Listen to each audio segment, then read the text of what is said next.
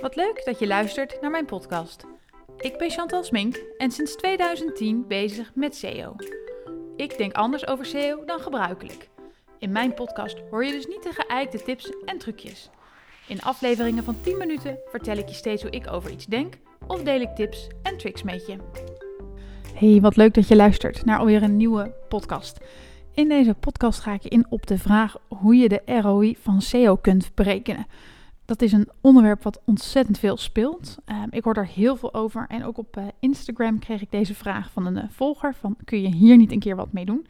Nou, laat ik dat ook gewoon doen, want het is iets wat mijzelf eigenlijk ook mateloos irriteert. Uh, ik vind het een hele storende vraag. En ik zal je de komende podcast gaan uitleggen waarom ik dat vind. Maar de waarheid is wel, we zullen het ermee moeten doen dat die vraag gesteld wordt. En waarschijnlijk krijg jij deze vraag ook van je, je manager, je baas, je directie. Ja, laten we eerst even beginnen met ROI, hè? Return on Investment. Elk bedrijf wil natuurlijk weten, als ik er morgen 10.000 euro in stop, hoeveel levert dat op? En het voordeel van kanalen, performance kanalen, zoals bijvoorbeeld SEA of advertising, is dat je kunt werken met een ROAS die je wilt halen. Je kunt zeggen van, goh, ik stop er een euro in, ik wil er minimaal 3 euro uithalen en daarop sturen. En dan weet je dus eigenlijk meteen je ROI. Ehm, en wat ik vaak heb meegemaakt in bedrijven is dat er daarna wordt geconcurreerd om die ROI. Waar gaan we de laatste 10.000 euro in stoppen? Stoppen we dat in SEO of in SEA? Zeker als je weet dat je bijvoorbeeld in SEA nou, 10.000 euro erin stopt en 30.000 euro omzet krijgt. Dan moet je met een business case gaan komen. Ehm, waarom het dan toch in SEO gestoken moet worden. En dat zul je ook hebben bij uh, tijd van de IT-afdeling. Die krijg je niet als je niet een business case hebt wat het gaat opleveren. Dus laat ik eerst eens beginnen met het voorbeeld van een business case maken. Dit is er eentje voor content. Um, en deze is nog redelijk recht toe, recht aan te doen. Wat je zou kunnen doen is in kaart brengen op hoeveel zoektermen uh, je gevonden wil gaan worden, wat het zoekvolume is en waar je nu gemiddeld staat. Dan zou je kunnen zeggen, ik sta nu op gemiddeld positie 3. Ik wil naar gemiddeld positie uh, eh, 2. Ik denk dat mijn CTR dan gaat stijgen van een x-percentage naar een ander percentage. En dan zou je in theorie kunnen zeggen: stel dat we 10.000 views hebben met 5%. Als ik van positie stijg, verwacht ik 10.000 views met um, wat zal, ja, 10% CTR. Ik noem hier maar even wat uh, getallen om een, voorbeeld te geven. Nou, en dan weet je eigenlijk hoeveel verkeer je daar extra mee gaat binnenhalen. Welke CTR je moet gebruiken, kun je uit een zogenaamde CTR-curve opmaken. Er zijn er uh, standaard CTR-curves. Ik heb er ook eentje in mijn blogartikel bij deze podcast opgenomen, zodat je het kunt uh, zien. Nou, en die hebben op basis van, wat is het, 80 miljoen, 300 miljoen, 30 miljoen keywords, hebben die een CTR gebaseerd per positie. Dus dan weet je, als het mij lukt van positie 6 naar positie 3 te komen, is dit mijn CTR-toename en kan je berekenen hoeveel meer verkeer je dan hebt. Je kunt dit ook voor jou op basis van jouw eigen data maken uit Search Console. Dan zul je dat moeten uh, importeren in een Google, Sheets, Google uh, Sheet of een Excel-file. En um, ik ga je daar verder niet mee helpen, want nou, misschien heb je het al een beetje door aan de manier waarop ik hierover spreek. Ik sta eigenlijk niet achter deze methode. Ga ik zo verder op door. Eerst ga ik hem afmaken voor je. Um, nou, dan weet je, ik heb zoveel meer verkeer binnen. En dan kun je zeggen, ik dat verkeer, vermenigvuldig dat verkeer wat ik meer heb met mijn uh, conversieratio en de gemiddelde orderwaarde. En dan heb ik een verwachte omzet. En nou, wat ik zei, hij houdt redelijk stand. Maar je kunt er eigenlijk ook minimaal 10 gaten in prikken. Um, want het, je kijkt naar keywords. Nou, we weten al, je woord, het gaat bijna niet meer om uh, keywords. Google laat heel veel meer zien. Eén pagina wordt ook niet op één keyword gevonden. Maar Search Console rapporteert tot 1000 keywords. Het zijn er waarschijnlijk heel veel meer.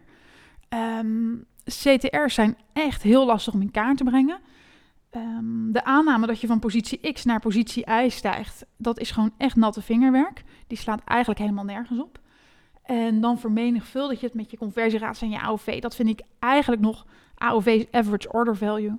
Dat vind ik eigenlijk nog de meest gangbare um, ja, statistieken om te gebruiken. Maar vooral dat stukje uh, zoekvolume en ZTR en posities, dat vind ik een heel vaag verhaal. En ik snap dat als je een business case moet maken, beter iets dan niets. Hè? Dan moet je dit ook maar gewoon doen. Ik maak ze ook nog wel eens. Ehm, maar dan geef ik van tevoren aan waar de onverwachte elementen zitten. En waar dus uiteindelijk de waarheid kan afwijken, of de resultaten kunnen afwijken van mijn business case. Want er zijn bedrijven die het na de hand controleren en zeggen: hé, hey, maar je had een heel ander beeld geschetst. En die positie, dat is ook heel lastig, want Google is bezig, je concurrent is bezig, er komen steeds meer SERP-features, waardoor mensen minder doorklikken. Dus het, je bent, ja, ik vind je begeeft je een beetje op glad ijs. Ehm, nou, dan heb je nog een aantal dingen waarvan je bijna de, de ROI niet kunt berekenen. Ik zou althans echt niet weten hoe. En dan heb je het over bijvoorbeeld het implementeren van een canonical tag, het toevoegen van href lang, het uh, optimaliseren van sitespeed. Ja, weet je, wat doet dat met je, uh, met je posities? Wat doet dat met je zichtbaarheid? Als jij je spider-capaciteit beter inzet, ja, wat word jij daar dan beter van? Hoeveel posities gaat jou dat dan opleveren? Want dat is toch waar je elke keer naar terug moet. Voor in ieder geval die vage berekening die ik net zei, zal je die posities moeten hebben. Dus um, dat zijn eigenlijk berekeningen waar ik me ook bijna niet aan waag. Omdat er gewoon, ja, zo'n technische verbetering is onwijs lastig om in kaart te brengen. Maar het grootste probleem wat ik met die hele ROI-vraag heb, is dat we dus zeggen we gaan content maken voor SEO. En als je mijn podcast vaker gehoord hebt, uh, weet je een beetje hoe ik erover denk. Ik vind dat je dingen niet voor SEO moet doen. Je moet geen content maken om Google hoog in Google te ranken. Je moet content maken omdat je jouw gebruiker wil helpen. Dan krijg je eigenlijk al veel betere kwaliteit. Um, als je het voor SEO doet, dan blijft de inhoud vaak wat oppervlakkig. Um, en ik denk dat je in plaats van moet kijken hoeveel verkeer levert het mij op, je moet kijken waar willen wij als merk voor staan, hoe willen wij onze klanten helpen um, en willen wij die content niet sowieso gaan, uh, gaan hebben. en dan heeft die content ook een groter doel. Dan maak je die content niet om dat SEO-verkeer binnen te hengelen, maar dan maak je die content ook omdat je daar op social van kunt profiteren, omdat je het op je, in je nieuwsbrieven kunt hergebruiken. Dus um, ik, ja, ik word altijd heel kriebig van die vraag. Als ik zeg van, goh, we gaan content maken, we hebben bedacht dit en dit wil de klant weten. En dan komt de vraag, wat levert dat op? En dat is eigenlijk ook een beetje wat Google zelf zegt. Hè. Je moet geen content maken voor SEO. Uh, heel veel SEO's en websites maken content die de moeite van het indexeren niet waard is. En dat zie je ook al in die Helpful Content Update, de IIET-richtlijnen. De eisen aan content zijn zo ontzettend uh, hoog geworden. Kan je dat zeggen? Hoge eisen? Ja, ik denk het wel. Die eisen zijn zo ontzettend hoog geworden dat het heel lastig is om dat nog vanuit SEO te blijven doen. Nou, en dat vind ik eigenlijk ook een beetje als je het dan hebt over die laatste pijler linkbeelden. Um, linkbeelden voor SEO vind ik ook geen goed idee. Want de meest waardevolle linkjes die echt bijdragen aan jouw autoriteit, aan jouw expertise, die zijn eigenlijk niet te koop. Ik wil binnenkort een uh, podcast opnemen hoe ik mijn eigen linkbuilding heb gedaan en wat ik heb bereikt. En dan zal je het hopelijk ook um, snappen wat ik bedoel. Met de beste linkjes zijn niet te koop. Dus linkbeelden voor SEO betekent alweer dat je eigenlijk op ja, gewoon kutpagina's komt te staan met je link. Um, en ik denk dat je dat niet moet willen, dat kost geld. En dat is het waarschijnlijk niet waard. Terwijl als je nou die goede content gaat maken en dingen dus niet voor SEO doet, maar echt om waarde toe te voegen, dan komen vaak linkjes um, vanzelf. En dat is makkelijk gezegd, maar er zit echt een soort van spin-off effect in. Dus waar ik altijd voorstander van ben, hè, in plaats van zo'n ROI-berekening uh, vooraf, is te zeggen: we gaan een pilot draaien. Een pilot van drie maanden. Daarin gaan we goede content maken. Dat moet aan die en die eisen voldoen. En dan gaan we na die drie maanden kijken: wat heeft dit overal opgeleverd? Hoeveel SEO-verkeer hebben we ermee binnengekregen? Wat heeft dat dan aan omzet opgeleverd? Um, hoe heeft die content het gedaan op social, in je nieuwsbrief? Wat heeft het daar opgeleverd? Zodat je eigenlijk je content kunt staven met meerdere kanalen die dat dan gaan gebruiken. En daarom zeg ik ook wel eens, ja, de ROI van SEO. Ik noem dat altijd vragen naar de ROI van SEO is eigenlijk vragen naar de ROI van twee ons groenten en twee stuks fruit. En dat klinkt een beetje lullig, maar zo zie ik het wel. Kijk, waarom eet jij twee stuks groente en twee stuks fruit per dag?